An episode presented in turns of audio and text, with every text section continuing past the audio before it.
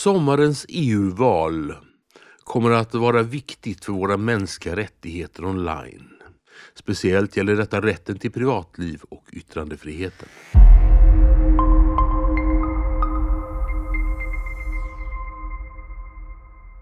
EU-politiken lär bli extra intressant nästa mandatperiod, sommaren 2024 till 2029.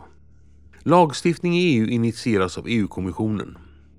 Det sker som regel i så god tid att ministerrådet och Europaparlamentet ska hinna klubba de nya direktiven och förordningarna innan mandatperiodens slut. Sedan, efter EU-valet nästa sommar, börjar allt om på nytt. Med nya lagar som bygger vidare på de gamla i något slags ständig expansion.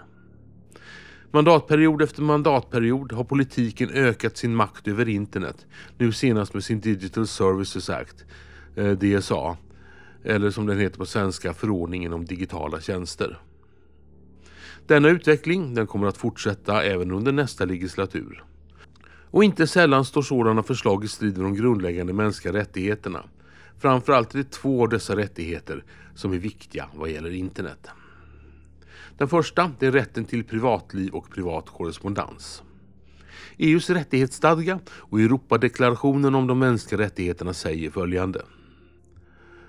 Var och en har rätt till respekt för sitt privatliv och familjeliv, sin bostad och sina kommunikationer.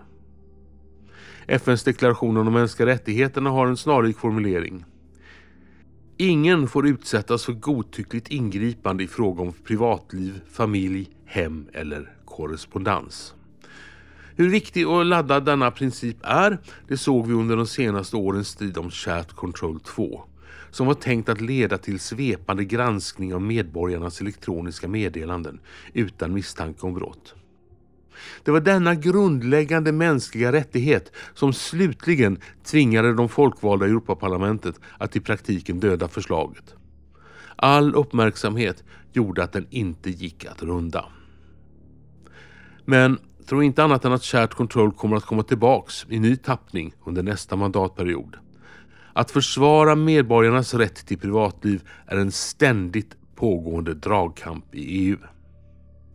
Det finns en rimlig princip här som fastställdes av EU-domstolen när den upphävde EUs datalagringsdirektiv. Det är övervaka de som misstänks för brott. Inte alla andra hela tiden. Den andra grundläggande mänskliga rättighet som är hotad när det gäller EU och internet, det är yttrandefriheten.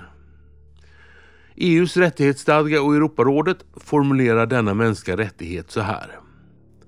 Var och en har rätt till yttrandefrihet.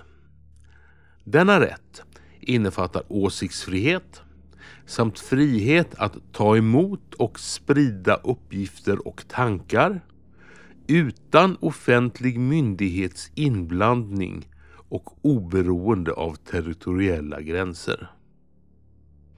FN säger samma sak, fast åter med vissa smärre språkliga skillnader. Och här kan det komma att blåsa upp till storm under nästa EU-mandatperiod. EUs nya Digital Services Act öppnar för inskränkningar i yttrandefriheten. Och det saknas inte krafter som vill begränsa det fria ordet. EUs politiker försöker ständigt finna sätt att komma åt yttranden på nätet som de ogillar, men som inte är olagliga. The Digital Services Acts nya statligt godkända nätsensorer, så kallade trusted flaggers eller betrodda anmälare på svenska, balanserar farligt nära den röda linjen. De kommer att få en direktlina till sociala media för att rekommendera vilket innehåll som ska plockas bort. Ett annat problem är DSAs möjlighet för myndigheter i ett land att beordra nedtagning av innehåll på servrar i ett annat land, även om innehållet inte är olagligt i det senare landet. Detta det är bara två exempel på hur DSA rimmar illa med yttrandefriheten som den formulerats i de olika fördragen om mänskliga rättigheter. Detta är viktigt när EU-kommissionen och medlemsstaterna nu försöker utnyttja de verktyg för att begränsa det fria ordet som The Digital Services Act ger. Här måste Europaparlamentet vara en vakthund som ser till att yttrandefrihetens princip upprätthålls. Sedan kommer det att komma helt nya förslag som hotar ett fritt och öppet internet. Det är en ständigt pågående process.